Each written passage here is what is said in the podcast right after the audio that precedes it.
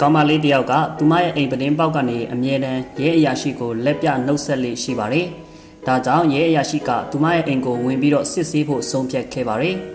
။ကမ္ဘာပေါ်မှာရှိတဲ့လူသားတိုင်းအတွက်မိဘတွေဆိုတာဟာအကောင်းဆုံးတငယ်ချင်းတွေပဲဖြစ်ကြပါတယ်။လောကကြီးအကြောင်းတည်တင်တာတွေကိုတည်ဖို့မယာကိုလမ်းညွန်ပေးနိုင်ဖို့အတွက်မိဘတွေကမရှိမဖြစ်အရာပဲဖြစ်ပါတယ်။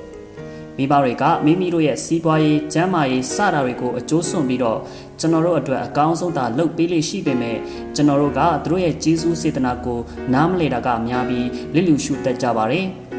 ဒီလိုချစ်ခင်ကျင်နာတတ်တဲ့မိဘတွေနဲ့ကြုံရှင်တိုင်းကြုံနိုင်တာမဟုတ်ပါဘူးမိဘတွေရဲ့ချစ်ခင်ကျူးဆိုင်တာကိုခံရဖို့အိမ်ကောင်ကောင်းလေးတစ်လုံးမှာကိုယ့်ရဲ့မိဘတွေနဲ့အတူပျော်ရွှင်စွာနေရဖို့ကအမေရိကန်နိုင်ငံကကိတ်လင်းလို့ခေါ်တဲ့ကောင်မလေးတယောက်အတွက်ကတော့စိတ်ကူးရင်အိမ်မက်တစ်ခုလောက်ပဲဖြစ်ပါတယ်။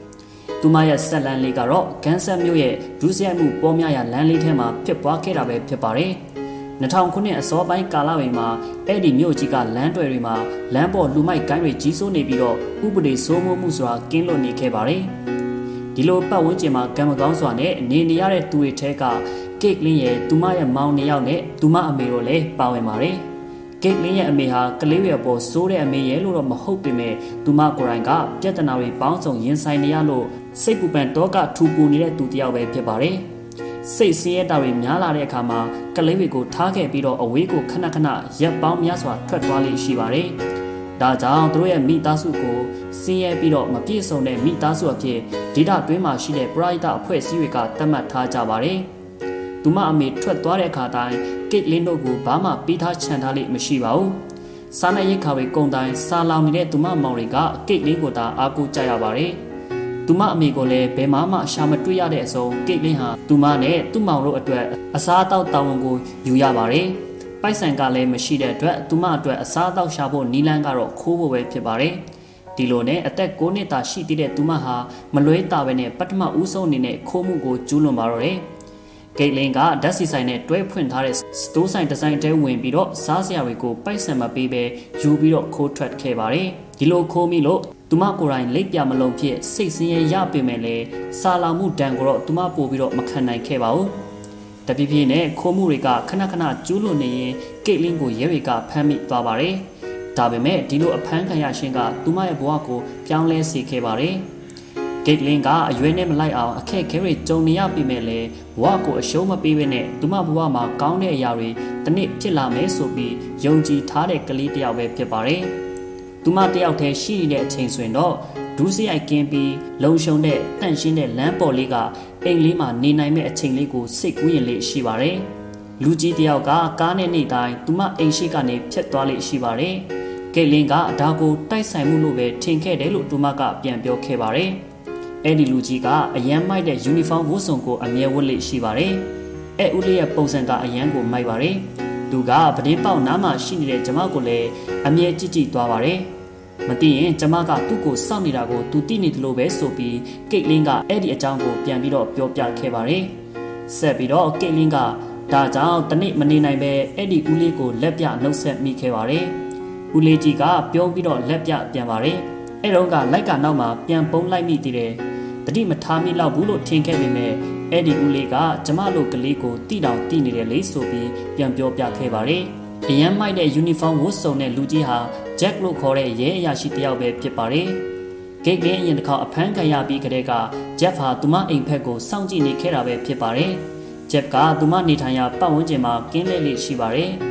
ဂိတ်လင်းနဲ့သူ့ရဲ့မိသားစုအကြောင်းကိုစုံစမ်းသိရှိပြီးကတည်းကဂျက်ဖာအဲ့ဒီပတ်ဝန်းကျင်မှာကင်းလဲရတိုင်းဂိတ်တို့ရဲ့အိမ်ဖက်ကိုတွားပြီးတော့ကလေးဝေအဆင်ပြေမပြေသိအောင်အမြဲစစ်ဆေးကြည့်မယ်လို့ဆုံးဖြတ်ထားခဲ့ပါတယ်။တယောက်နဲ့တယောက်အပြန်အလှန်လက်ပြနှုတ်ဆက်မိရဲ့နေ့ကစပြီးကြံတဲ့နေ့တွေပါမကြံအချင်းချင်းဆက်ပြီးတော့လက်ပြနှုတ်ဆက်စကားဆိုတာတွေဆက်ပြီးတော့လုပ်ခဲ့ပါတယ်။ဂိတ်လင်းဟာရဲအရာရှိအရှိကဖြတ်သွားတာကိုမြင်တိုင်းကြည့်ပြီးတော့ပျော်ရွှင်နေခဲ့ပါတယ်။ တနေ့ရဲအရာရှိဂျက်ကကိတ်လင်းအိမ်တကားကိုခောက်လိုက်ပါတယ်။သူကကိတ်လင်းကိုပြုံးပြပြီးစကားပြောရှင်တဲ့အကြောင်းပြောပါတယ်။သူ့ရဲ့အိမ်ရှိကဖြစ်ပျက်သွားတိုင်းလက်ပြနှုတ်ဆက်တဲ့ရဲအရာရှိဖြစ်ကြောင်းဂိတ်တို့မောင်နှမအကူအညီလိုရင်သူ့ကိုပြောလို့ရကြောင်းတခြားကြောက်စရာတွေနဲ့ကြုံလာခဲ့မယ်ဆိုရင်လေသူကူညီပေးမယ်ဆိုတဲ့အကြောင်းတွေဂိတ်လင်းကိုပြောလာခဲ့ပါတယ်။ဂိတ်ကအဲ့ဒီအချိန်တော့ကဘာမှတော့ပြန်မပြောနိုင်ပဲအံ့ဩဝမ်းတာခဲ့ရပါတယ်။ ကို့အမေအရင်ကဘေးမှာမရှိပေမဲ့ကျမတို့အတွက်ယုံကြည်စိတ်ချလို့ရတဲ့အတိဦးလေးကြီးတယောက်တိုးလာခဲ့ပါတယ်။အိအိမ်မှာမောင်လေးတွေကြောက်စိတ်တွေပေါက်လာရင်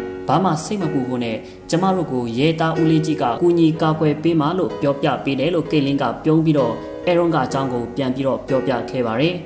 ဒီလိုနဲ့ဧကတဲ့က9နှစ်အရွယ်ကလေးမလေးနဲ့ရဲအရာရှိနှစ်ယောက်ဟာတငယ်ချင်းတွေဖြစ်လာခဲ့ပါတယ်။ဒီနေ့ဂျက်အိမ်ရှိကဖြတ်သွားချိန်မှာ ဂိတ်လင်းကအရင်လိုပတင်းပေါက်နားမှာရှိမနေခဲ့ပါဘူး။မနေ့တိုင်းသူ့ကိုလက်ပြနှုတ်ဆက်လေးရှိရတာနဲ့အဲ့ဒီနေ့မှာဂိတ်လင်းကိုမတွေ့ရတော့ဂျက်ကတခုခုဖြစ်နေမှန်းသိပြီးစိုးရိမ်လာရပါတယ်။ဒါကြောင့်အိမ်တကားကိုတွားခောက်ကြည့်ပါတယ်။မရတော့အိမ်ထဲမှာရှိတဲ့လူတွေကိုအော်ခေါ်ကြည့်ပေမဲ့လည်းဘယ်သူမှပြန်မဖြေကြပါဘူး။ဒါကြောင့်ဂျက်ဖာအိမ်တစ်ခါဖြတ်ဝင်ဖို့ဆုံးဖြတ်လိုက်ပါတယ်။အထဲရောက်သွားတဲ့အချိန်မှာတော့မြင်လိုက်ရတဲ့မြင်ကွင်းဟာဂျက်အတွက်လန့်စရာပဲဖြစ်ပါတယ်။ ဂိတ်လင်းကကျမ်းပြင်ပေါ်မှာလဲကျနေပြီးအသက်ရှူလို့မရဘူးဆိုပြီးတော့အော်နေရှာပါတယ်။ဘေးမှာလည်းသူ့ရဲ့မောင်လေးတွေကငိုနေကြပါတယ်။ဒါနဲ့ဂျက်ကဂိတ်လင်းကိုပွေ့ရှိလိုက်ပြီးကားစီကိုတည်သွားပါတယ်။ကားနောက်ခန်းမှာသူမမောင်လေးတွေကိုတက်ခိုင်းလိုက်ပြီးတော့ဆေးရုံကိုမောင်းသွားပါတယ်။ဆေးရုံရောက်တဲ့အချိန်မှာတော့ဂိတ်လင်းကအချိန်မီရောက်လို့အသက်ကယ်နိုင်တာဖြစ်ကြောင်းဆရာဝန်တွေကနေပြန်ပြီးတော့တီးလိုက်ရပါတယ်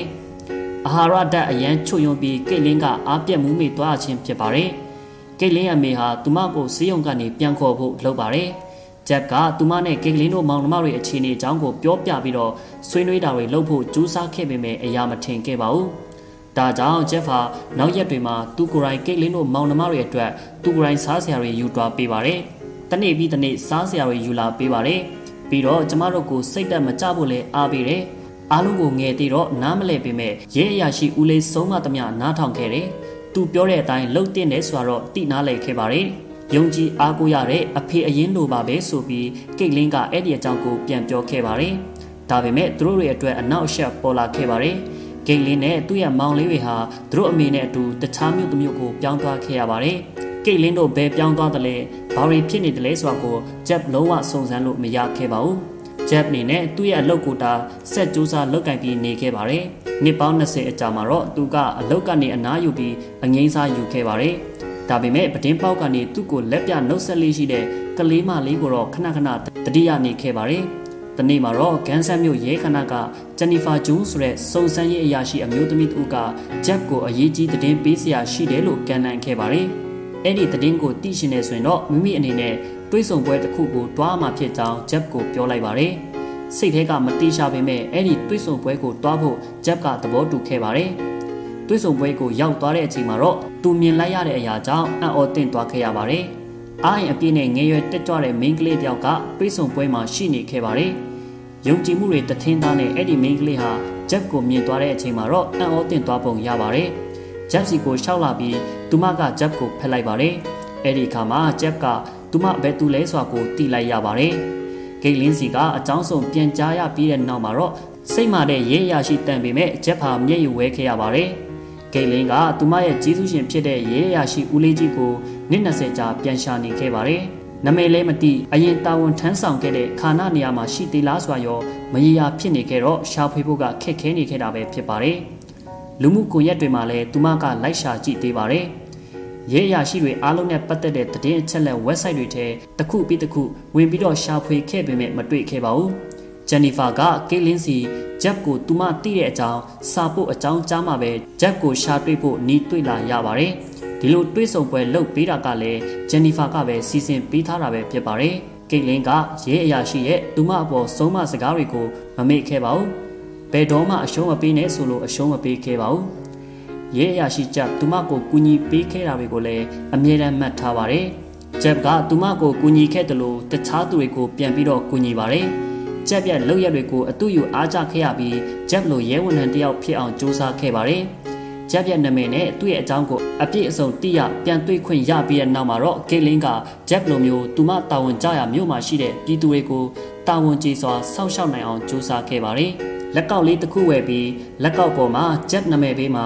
သူ့ရဲ့ကောင်းဆိုပြီးထိုးထွင်းပြီးအမြဲဝတ်ဆင်ခဲ့ပါတယ်။ဂိတ်လင်းကကလေးနှစ်ယောက်ရဲ့မိခင်အဖြစ်ဘဝကိုပျော်ပျော်ရွှင်ရွှင်ဖြတ်တန်းနိုင်သွားပါပြီ။ဒါတွေအားလုံးကသူမတချင်းကလက်ပြနှုတ်ဆက်ခဲ့တဲ့ရဲရရှိတဦးရဲ့ကြီးစုကြောင့်ပဲဖြစ်ပါတယ်။အခုဒီကန်ဆတ်မြို့ရဲခန္ဓာကရဲဝန်ထမ်းတွေဟာဒီဆက်လန်ကိုပြောမဆုံးကြပါဘူး။နောက်ပြီးရဲအရာရှိဂျက်ကသူတို့အပေါ်ဂျေစုပြုခဲ့ဖူးတဲ့အကြောင်းကိုတခြားသူတွေများစွာကလည်းစာရေးပြီးပို့တာတွေရှိလာပါတယ်။ ကျက်ရဲ့သူနေ့တိုင်းလှုပ်ခဲ့တဲ့ကျင်နာတဲ့လှုပ်ရက်တွေဟာလူတွေအများကြီးရဲ့ဘဝကိုပြောင်းလဲစေခဲ့ပါတယ်လောကကြီးကိုရောပြောင်းလဲစေခဲ့မှာပါဒီလိုပါပဲမိတ်ဆွေတို့ကျွန်တော်တို့လှုပ်လိုက်တဲ့ကောင်းမှုတွေကတင်းနေပါစေတစ်ဖက်သားအပေါ်မှာအကျိုးရှိစေရောမကလောကကိုပါပြောင်းလဲစေနိုင်တဲ့အထိအစွမ်းရှိကြပါတယ်ဒီနေ့အတွက်ဆက်လန်းလေးကတော့ဒီလောက်ပဲဖြစ်ပါတယ်ဒီဆက်လန်းလေးနဲ့ပတ်သက်လို့မိမိတို့ရဲ့အမြင်တွေကိုကျွန်တော်တို့ရဲ့ comment box လေးထဲမှာဝင်ရောက်ဆွေးနွေးသွားကြပါဦးနော်ကြည့်ရှုပေးခဲ့ကြတဲ့ပရိသတ်များအားလုံးကိုကျေးဇူးအထူးတင်ရှိပါခင်ဗျာ